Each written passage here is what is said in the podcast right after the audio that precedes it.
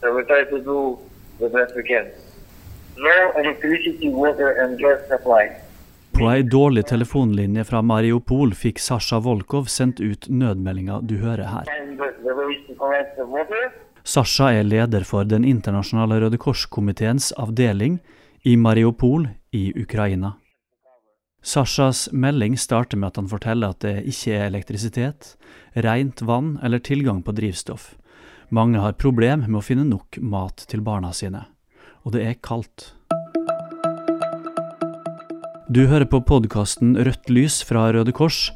Jeg heter Roar Moltebakk, og i denne episoden skal vi forsøke å formidle historien fra vår kollega Sasha, for å gi et bedre bilde av hvordan situasjonen er for de mange millionene mennesker som fortsatt er inne i Ukraina.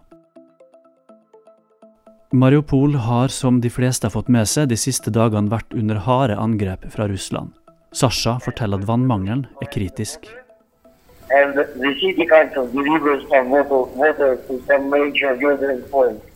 Byrådet leverer noen flasker med vann, men det er ikke nok til å dekke behovet.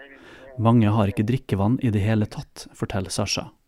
I Røde Kors sine lokaler i Mariupol bor det nå over 60 mennesker som ikke har annet sted å bo. Flere av dem er barn.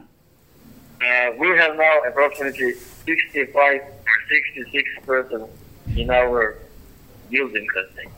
Vi huser også halvparten av de som bor i samme bygget, slik at barna kan sove i kjelleren fordi de er redde, sier Sasha.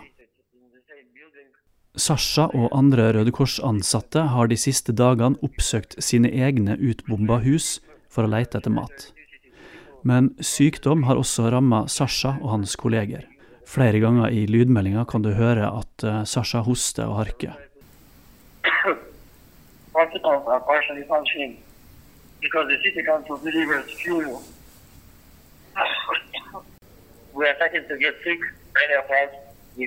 Mange av oss har begynt å bli syke pga. fuktighet og dermed forkjølelse. Vi forsøker å opprettholde god hygiene, men det er ikke alltid mulig, sier Sasha. I den ødelagte byen begynner det også å bli kritisk mangel på medisiner. Ifølge Sasha blei alle butikker og apotek raida for medisin for noen dager siden.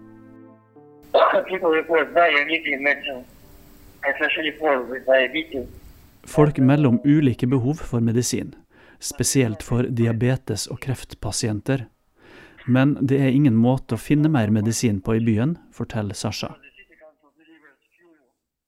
Torben Bjørke Henriksen, du jobber i Røde Kors, og denne uka her så var vi sammen langs grensa til eh, Ukraina, på Romania-sida. Der møtte vi mange flyktninger. Men så er det de som er tilbake i landet, som Sasha forteller om her. Kan du si litt om hva er statusen for sivilbefolkninga inne i Ukraina nå? Ja, Sasha, som vi hører i dette lydklippet, er jo i Mauropol, en av de byene hvor det absolutt er eh, vanskeligst. Eh, det mangler jo vann, mat, medisiner, eh, varme, strøm. Eh, men det er ikke det eneste stedet i, i Ukraina som har det sånn. Det er jo flere andre byer nå som er under kraftig beskytning, og hvor eh, de menneskene som fortsatt er der, har det ekstremt vanskelig. Eh, så Sasha er jo en av bare mange, mange tusen som nå eh, strever med å overleve. Hva gjør Røde Kors inne i Ukraina nå for sivilbefolkninga?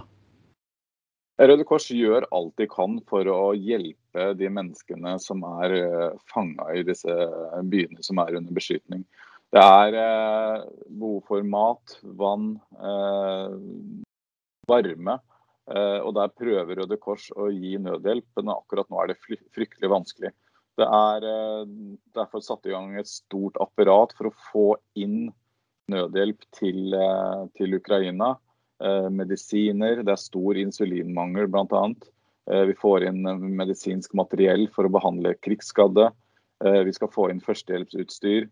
Eh, og alt dette skal da transporteres så nærme de som har behov for det som mulig, da til sykehus eh, først og fremst, hvor det kan gis behandling. Eh, Så det er en stor operasjon nå i gang for å få inn mye nødhjelp til landet.